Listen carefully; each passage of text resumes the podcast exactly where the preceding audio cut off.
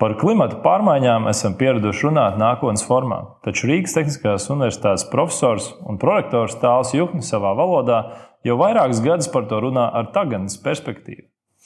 Sarunā uzzināja, ka zinātnē jau vairums klimata izmaiņu izaicinājumu ir atrisinājusi teorētiski, taču pietrūkst tehnoloģija, kas šo teoriju pārvērst ekonomiski pamatotā praksē.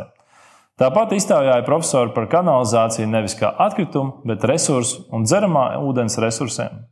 Uzmanību sarunai!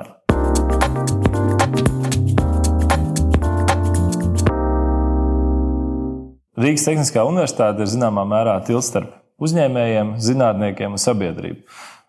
Pastāst mums, lūdzu, tuvāk par to, ko tu dari ikdienā, un varbūt mums šodien izdosies saprast, kā šis tilts izskatās tavā saimniecībā un ko mēs katrs varam darīt, lai pēdi, ko mēs atstājam aiz sevis, būtu mazāk.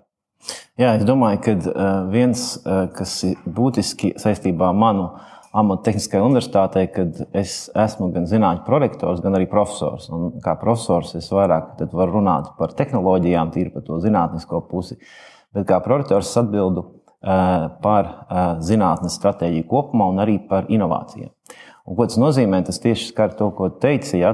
kā mēs varam veicināt mūsu zinātnieku izstrādātās tehnoloģijas lai tās ātrāk tiktu ieviestas. Ja, kā biznesa var pārņemt šīs tehnoloģijas.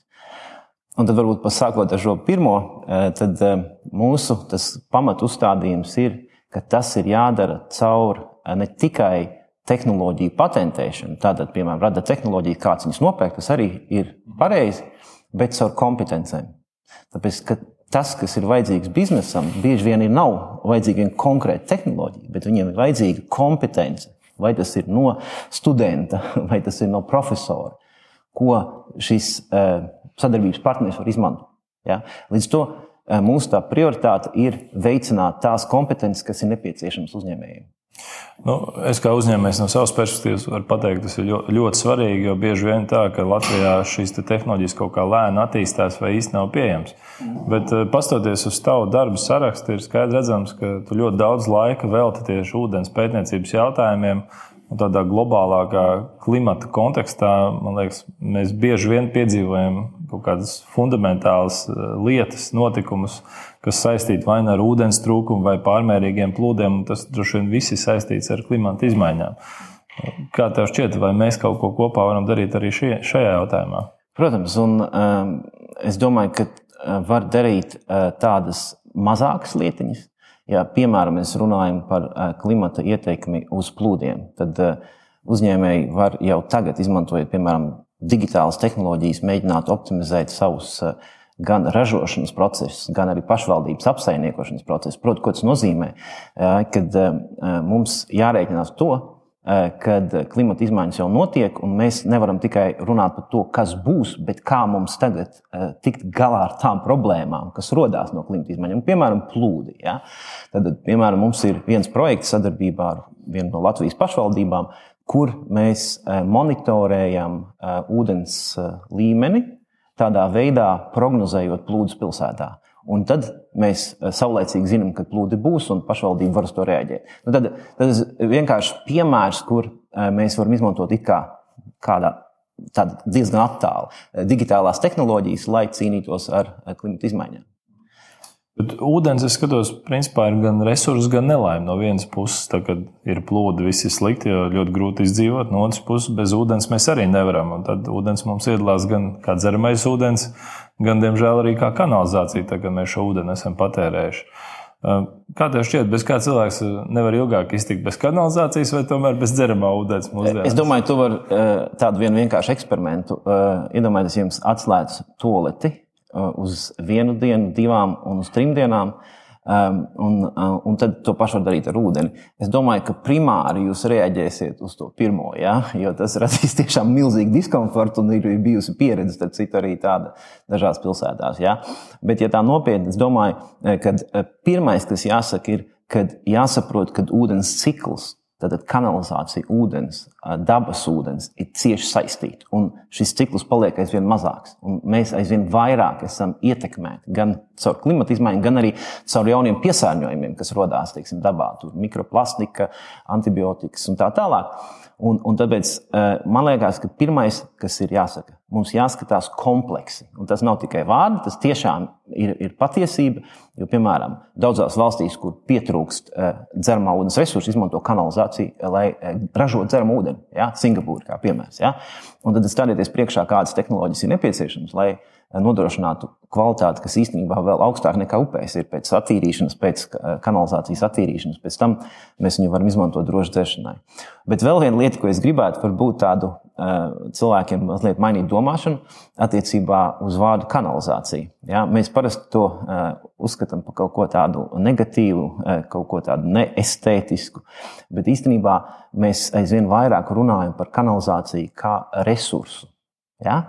Tātad, principā, Mēs pat eh, teiksim, savā zinātniskā pasaulē saucam to varbūt nevis par notekūdens attīrīšanas stacijām, bet resursu atgūšanas stacijām. Kāpēc? Tāpēc, ka jums ir minerāli, minerālu mēslojums, principā kanalizācijas ūdeņos fosforu slāpeklis, kas tagad ir piemēram saistībā ar Ukrajinu. Ja?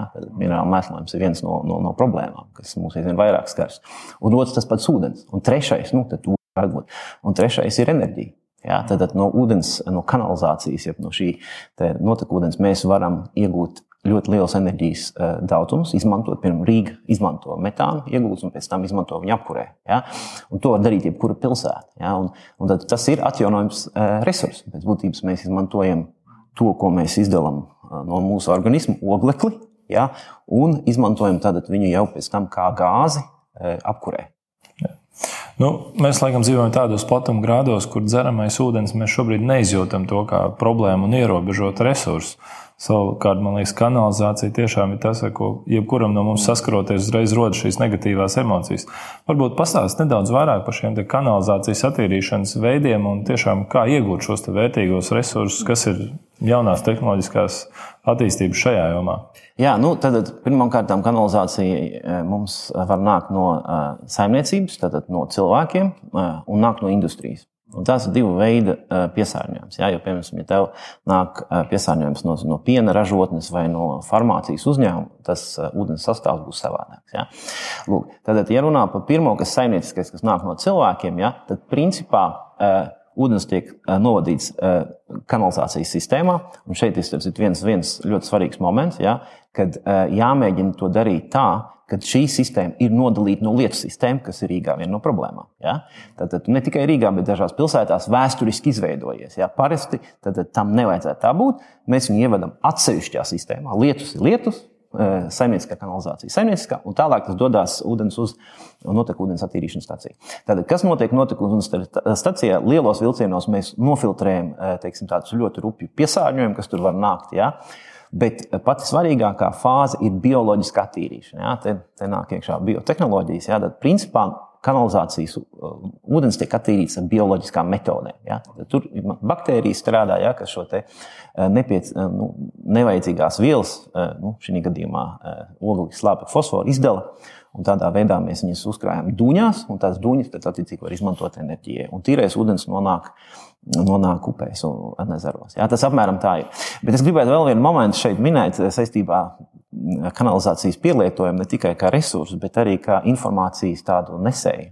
Jā, mums pašlaik arī turpinās saistībā ar Covid. -19 Eh, tā sakot, krīzi, eh, kanalizācijas monitorings vairāk kā desmit pilsētās eh, Latvijā. Tad, principā, kanalizācija var kalpot kā avots par to, kas notiek, informācijas avots par to, kas notiek pilsētās. Piemēram, cilvēks saslimst, tad viņi attiecīgi izdala vīrusu, un, un tad vīrusu pēdas mēs varam analizēt kanalizācijā, pateikt, cik cilvēki saslimuši ir kurā pilsētā. Ja? Tad, tad to sauc par notekūdens epidemioloģiju. Un tad mēs kopā ar pārtiks veterināro dienestu, bioru un, un bio, biomedicīnas centru jau strādājam pie konkrēta monitoringa programmas. Ja? Tad, cik to var internetā atrast un paskatīties, ja? Teiksim, kāda ir situācija attiecībā uz Covid tagad 12, man liekas, pilsētās Latvijā. Es saprotu, lasoties šos rakstus, man radās jautājums, Mēs nespē, nevaram saslimt pēc tam, nezinu, peldoties ūdenī, kurā nonāk kanalizācija. Varbūt vairs nedaudz šajā iedzināties, jo man liekas, parastajam zobtīrētājam īstenībā nav skaidrs. Viņš izlasa, ka kanalizācijā var atrast vīrusu pēdas. Man pieņems, automātiski rodas nevēlēšanās peldēties jā, jā.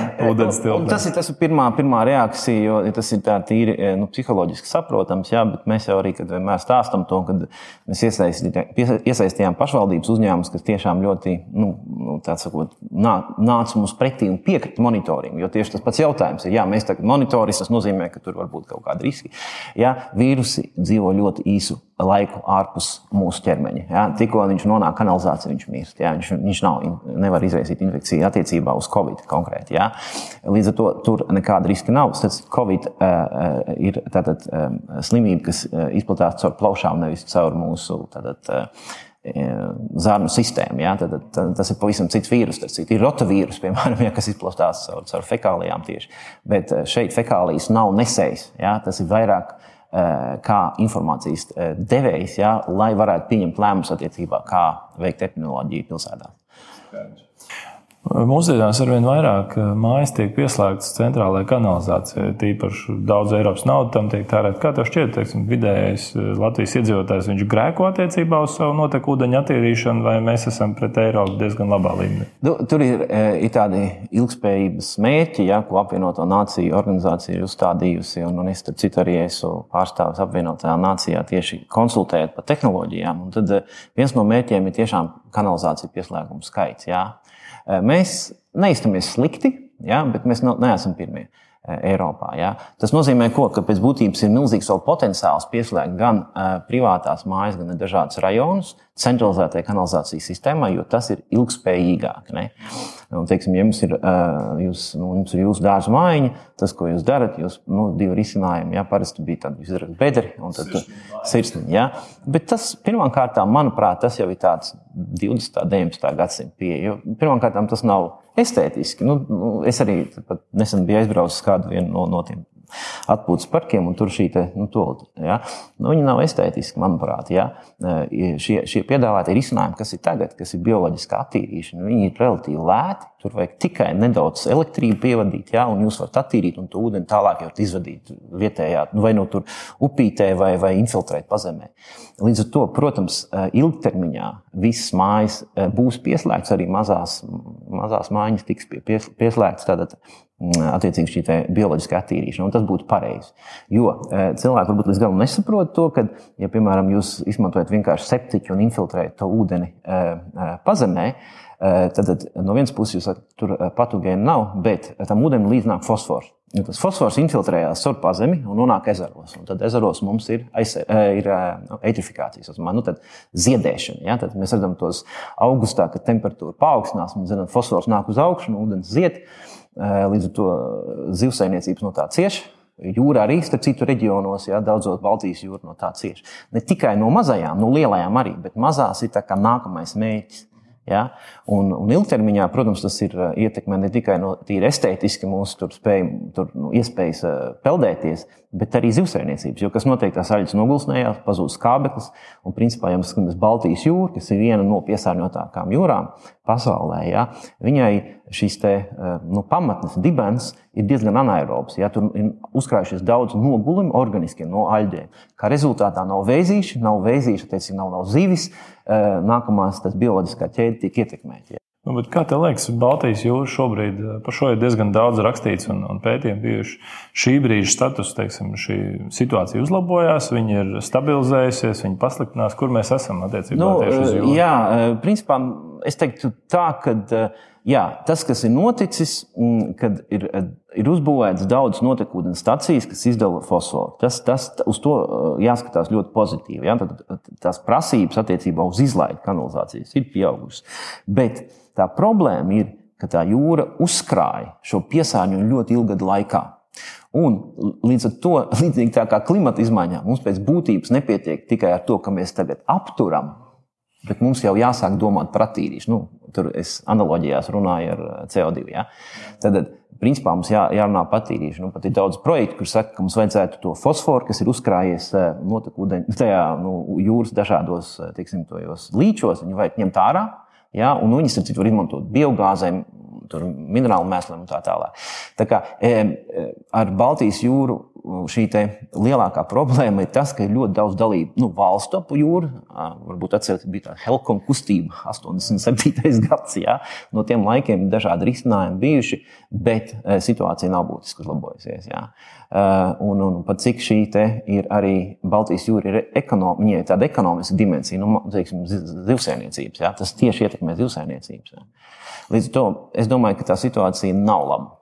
Tad, principā, tas droši vien arī izskaidro to, ka ūdens līcī ir pilnīgi savādāks nekā ūdens atklātajā Baltijas jūrā. Jā, jo šeit jā. uzkrājās vairāk viss, ko mēs novadām. Tur ir mirušās zonas, veidojās tādas kābekļa mirušās zonas. Jūra mums ir uh, sekla uh, un uh, ar zemu sāļu saturu, jo sāļu saturs palielinās, kad mums vairāk ir uz Norvēģiju, tad jā, šeit ir principā tās liels ezers, jā, Baltijas jūra. Un līdz to tajās vietiņās, kur tā ūdens kustība nenotiek, jā, notiek arī tā skābekļa patēriņš un mirušās zonas veidē. Tu pieminēji šīs dalītās kanalizācijas sistēmas. Es domāju, daudzi nesen dzirdēja, ka šo pēdējo plūdu ietvaros Daugavā tika novadīti vairāk kā 70 tūkstoši kubu neatīrīt notekūdeņu. Kāds skaties šādu situāciju, cik tas ir katastrofāli Latvijai, vai tas ir pret kopēju apjomu neliels Nē. apjoms? Nē, nu, viss jau tā ir relatīvs, bet ja, ja kopumā, kā jau minēju, sistēmām jābūt nodalītām. Ja? Jo lietus kanalizācija tad, tad, tas ir tas ūdens, kas nonāk no ielām un infiltrē, nu, nonāk sistēmā. Ja? Ka, tas, ka tam jābūt nodalītam. Vai nu viņam jābūt uzkrātam tas atsevišķos rezervāros, un pēc tam viņu pakāpeniski var pildīt tajā kanalizācijas sistēmā. Teiksim, Rīgā ir šī kanalizācijas, ir saimniecisko notekūdeņu monitorings ir diezgan labi attīstīts. Ja? Tad, tad tiek kontrolēts plūsmas. Ja? Tad, tad, lai, lai mēs no, nu kā, jums li, lietas no, no, no, nolīst, un tad ir tās saucamās kanalizācijas pārsūknēšanas stacijas, ja, kuras pumpē tālāk uz, uz, uz, uz attīrīšanas stācijām. Viņas ir labi nokalibrētas. Mēs mēģinām, mēs varam tādus nelielus, nu, kā sakot, pīķu plūsmas nodzēst ar tādu foršu menedžmentu. Tas arī zināmā mērā digitalizācijas risinājumi. Bet, kad nāk šāds e, plūde, kā bija tagad, to nevar nodzēst. Tur ir vajadzīgs ir vai nu izmantot zaļos risinājumus. Mums arī tagad ir viena vien tēma, ko mēs ar laboratoriju attīstām, ir tie zaļie risinājumi, kas nozīmē, ka jūs pēc būtības nevis palielināt virsmas noticis. Tas nozīmē, ka nu, kāpēc veidojās šie aplūšana? Tāpēc, ka jums ir zemē, ūdens nespēja infiltrēties, ja, lietas ūdens. Ja. Tad jūs darat pretējo, jūs mēģināt maksimāli infiltrēt viņu patiešām. Nu, Stāvlaukumos esat redzējis dažreiz nevis as asfalts, bet ir tāds tā kā jā, jā. Nu, saur, ūdens saulaidīgs virsmas. Ja. Tas ir risinājums, un tur var iet pat vēl tālāk, izmantot lokalizētas. Mums arī bijuši tādas studentiem sacensības, ja, kur viņi piedāvāja Rīgai tos risinājumus. Piemēram, jūsu um, um, guļam rajonā, ja jums ir teiksim, lietus ūdens tiek savākts uh, pa vidu, ir uh, uzkrāšanas tādas tā dīķis. Ja, Lietus laikā viņš tiek uzkrāts, un pēc tam jūs pakāpeniski viņu varat iepumpēt. Eh, kanalizācijas sistēmā, tādā veidā nodzēšot tos lielos pīķus, kas radās. Un tas dīķis var tikt izmantot rekreācijai. Ja? Nu, tur ir normāls kvalitātes ūdens, tur var eh, pīlīts un, un auga augt un tā tālāk. Šādi risinājumi ir iespējami. Ja? Tad, kad jūs nevis vienkārši pagaidat, ka viss kanalizācijas ūdens nonāk vienā caurulē, bet jūs viņus amortizējat un pēc tam pakāpeniski iepildat iekšā sistēmā. Bet, kā tev liekas šī situācija, nu, arī lasot VVD atzinumus attiecībā uz šo nesakārtoto Rīgas ūdens tieši lietu kanalizācijas sistēmu un to, ka nepietiekams attīrīšanas jaudas? Uh, tu esi arī Rīgas ūdens padomus loceklis. Kā tev šķiet, šī situācija nu, pārskatāmā nākotnē izdosies viņu atrisināt? Varbūt, e, jā, tas ir viens no mūsu uzstādījumiem. Jāsaka, uzreiz šī sistēma nepieder Rīgas ūdenim, šī sistēma pie, pie, pieder pašvaldībai. Jā, un mēs ar pašvaldību ļoti cieši strādājam un visu laiku mēģinam arī nu, nu, piedāvāt dažādas risinājumus, kā to, kā to sakārtot. Kā jau minēju, to var sakārtot. Tas ir principā rezervāra jautājums. Jā, tas ir izmaksu jautājums un tas ir pēc būtības jautājums, kas par to maksā. Tur nav kā kā sakot, nekas šausmīgi sarežģīts no tāda. Ja? Bet eh, jā, mēs, mēs esam savā stratēģijā arī Rīgas ūdens uzlikuši to kā vienu no prioritātēm, bet mums ir ļoti svarīgi pašvaldības eh, nu, iesaist šajā. Starp citu, viens no jautājumiem, eh, arī pastoties uz ūdeni kopumā, teiksim, ja mēs runājam par ūdeni kā dzeramo resursu, pārsvarā pasaule ten, ir tendēta uz pazemes ūdens izmantošanu. Latvijā vēsturiski mēs esam izmantojuši arī Daugavas ūdeni kā dzeramo. Kāda situācija ar šo? Vai tas vēl ir aktuāli, vai mēs ir aktuāli, no ir projām? aktuāli. Mums tagad ir viens pētījums, kur mēs mēģināsim nu, paskatīties vēlreiz ļoti cieši uz šo jautājumu, kā nu, pāriet pilnībā uz pazemesūdeni. Kā jūs teicāt, agrāk vēsturiski jau mēs izmantojam pazemes nu, ļoti, ļoti sen, 1620. gadā, kad bija uzbūvēta pirmā dzerama ūdens um, sūknētava, mēs izmantojam Daugavas ūdeni. Ja? Tas bija ļoti, ļoti sen. Ja? Bet pēc tam mēs pārgājām uz, uz pazemes ūdeņiem un atti, attīstoties industriālā, nu, teiksim, industriālās, industriālās revolūcijas. Ne, mazliet vēlāk, tas bija padomi laikos, pēc būtības 70. gados, vienkārši tad, kad cilvēki uz, uzman, izmantoja ūdeni ļoti neliederīgi. E, e, dienā e, cilvēks tērē kaut ko 300-400 vidēji litrus, tagad mēs tērējam 100. Ja? Ja, tad, tad divreiz, trīsreiz vairāk. Ja? Līdz tam vajadzēja vairāk ūdeni, bija milzīgs noplūds ja? un uzbūvēja Daugavu. Bet tagad, cik mēs esam atgriezušies principā tajā stāvoklī, kad cilvēks tērē ap 100 litriem, mēs varam var izdzīvot tikai no pazemes ūdeņa, bet sistēma jau ir uzbūvēta. Ja? Un tas ir hidraulikas jautājums, jo jums sanāk tā, ka no Tas ir no labā krasta, jums ir pazemes ūdeņa, kriesējai Daugo. Ja, tad tagad tieši runā par, nu, ir nevis runā, bet ir pētījums par to, kā var izdarīt tā, lai sistēma varētu darbināt tikai no pazemes ūdeņa, bet jautājums par hidrauliku. Nu, lai būtu bolderājs iedzīvotājiem spiediens. Ja? Ja, bet principā jā, Un, un Daugos upe, eh, Daugos upe jau nav tik ļoti sliktā stāvoklī, bet tur ir vairāk riski. Eh, Pirmkārt, eh, virsmas ūdeņos ir aizvien pieaug prasības pret kvalitāti. Ja? Mēs runājam gan par tā saucamo endokrīno sistēmu ietekmējušām vielām, kas nāk no, tur, no rūpniecības. Mēs runājam par jaunu tipu patogēniem. Ja? Un, un tas primāri ietekmē virsmas ūdeņus, jo pazemes ūdeņi ir pasargātāki. Otrs ir, protams, nu, Ukraiņas šis gadījums. Jā, pēc būtības mums patiešām nu, Daudzā nāk no Krievijas caur Baltkrieviju. Jā. Un, un tas ir zināms risks. Ja? Nu, protams, tas gabaliņš tur ir kārtīgs, ja? bet ir bijuši no politiskā piemēram, piesārņojumi. Tur vairākas reizes, varbūt atcerieties, arī bija presē, tad nonāk kaut kāds piesārņojums. Tas var aiznākt uz Daugos upi, un tālāk tas rada papildus stresu. Līdz ar to, jā, pazemes ūdeņi Rīgā praktiski Daugo paliks pēdējā, jo vispārējie pārgājuši bija agrāk citās pilsētās, gan Daugopilī, gan Ventspilī. Jā. Visi ir atteikuši un pārgājuši pazemes ūdeņiem, tāpēc ka mums to resursu ļoti daudz un viņi ir labas kvalitātes. Nu, skaidrs, tad, lai ūdeni varētu lietot, ļoti svarīgi viņa attīrīt. Varbūt tur iedot kaut kādu perspektīvu, kas ir tās jaunākās tendences attiecībā uz ūdens attīrīšanu, kā mēs varam varbūt samazināt CO2 emisijas un vēl kaut kādas labumus gūt caur šo visu. Nu, es, es teikšu tā, protams, katram ir bijis savu tā skola, vai ne, kā, kā viņi skatās uz to tehnoloģiju attīstību. Nu, es uzskatu, ka ir divi virzieni. Viens ir e, bioloģiski, bioloģiski biotehnoloģiski risinājumi. E, kāpēc? Tāpēc, kad e, mikroorganisms strādā 24, 7, viņi neprasa ēst, nu, ēst viņi prasa, bet viņi neprasa algu. Ja? Ja? Līdz ar to jūs varat iz, izmantot mikroorganismus, piemēram, tie varbūt, kas nezina, atzelžošanas stacijas daudzas, kas Latvijā viena no lielākajiem, teiksim, svarīgākiem teiksim, elementiem, kas jāattīrī, tas ir dzelzs un mangāns. Ja? Šī attīrīšana ir bioloģiska. Ja? Bioloģiski. Jā, tur strādā baktērijas. Ja? Mēs domājam, ka tas ir dzeramais ūdens ar baktērijām. Jā, mēs attīrām ar baktērijām. Līdz ar to tas virziens būs bioloģija, viens, un otrs ir membrāna tehnoloģijas, ja? kas ir savukārt eh, tehnoloģijas, kas balstās pēc būtības uz ļoti vienkāršiem risinājumiem, uz ļoti plānām membrānām, ar kurām spiež cauri ūdeni. Un tādā veidā mēs varam dabūt jebkuras ūdens, jebkuru ūdens kvalitāti pēc būtības bez kaut kādām īpašām ķimikālijām. Un, nu, tas ir īpaši aktuāli tajos reģionos, kur ir nepieejams upes ūdens, tāds jā, nu, dzeramais ūdens, ne, nu, upes ūdens, tas, teiksim, be, ne, ūdens, kurā ir zemes sāļu saturs. Līdz ar to viņi izmanto jūras ūdeni, teiksim, Izraēlu. Ja? Un, un, un kā tu tiksi to galā? Tev tas sāls ir jāizpū, jā, jātīra, un tam izmanto membrānas. Un, un tas membrāna tehnoloģija virziens ir, ir viens. Mums ir viens projekts, kur mēs tieši strādājam pie risinājumiem, kā padarīt šīs tehnoloģijas lētākas. Jo tā galvenā problēma ir, tad, kad tev vajadzīgs liels spiediens, lai caur tām membrānām izspiest. Un mums ir tad, tas piedāvājums, tagad tiek izveidots jaunu tipu membrānas, kuras ir ļoti plāns, kas patērē minimālu enerģijas daudzumu. Līdz ar to viņas paliek pieejamākas. Un tas, ko mēs redzam, piemēram, arī projekti, mums bija ar Indiju viens projekts, Ja, kur viņi e, jau tagad, ja, jaunas izcīnības valstīs, ja, izmanto membrānu tehnoloģijas, tāpēc, viņas vienkārši ir vienkāršākas. Ja. Savā ziņā viņas tā kā tās mobilais telefons, kurš agrāk bija dārgs, viņš ienāk iekšā, tas ir mūsu dzīvē. Un, cik es saprotu, RTU pie šī viss strādā un noteikti ieliek arī savu artavu, lai varētu komercializēt kādu no šiem pētījumiem Jā. un izstrādājumiem. Ja? Ir, ir, jā, mums ir vairāki startupi, jā, kuri pie tā strādā. Man pašam ir divi. Viens ir par ūdeni, viens ir par pārtiku. Otrs ir, protams, mēs uh, konsultējam arī uzņēmumus. Uh, gan nu, ūdens apgādes uzņēmumus Latvijā, gan arī ārzemēs.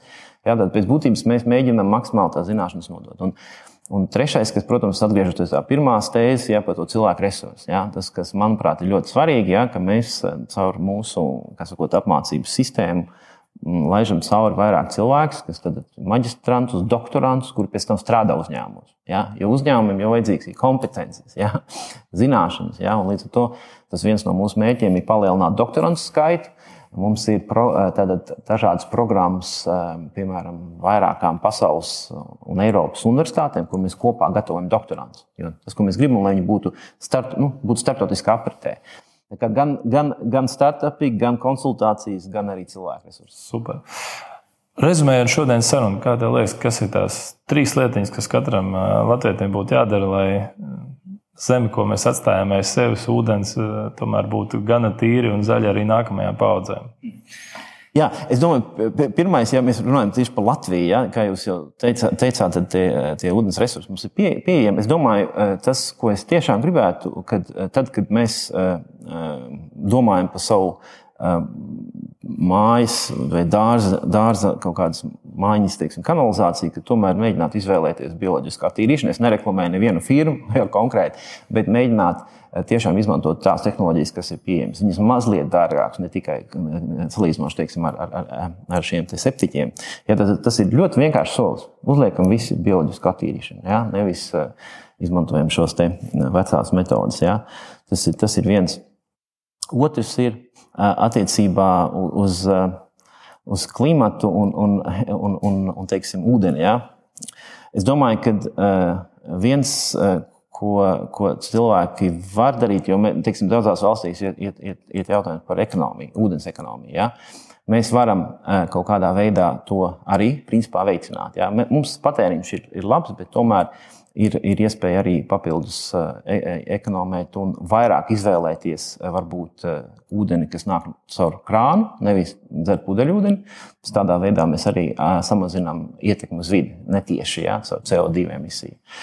Lūk, nu, trešā varbūt tiešām, manuprāt, ir mēģināt tomēr skatīties uz šo klimatu problemātiku un vispār mazliet mēģināt tomēr abstrahēties no mm, tādiem radikāliem uh, nu, viedokļiem, kas nāk arī nu, saistībā ar Covid un, un tagad ar zinātni un klimata izmaiņām.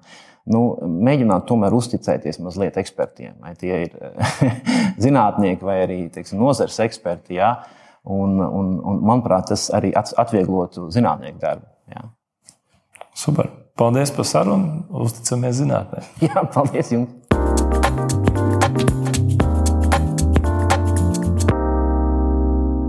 Manā skatījumā sarunā ar tālu man viesa skaidrība par divām lietām.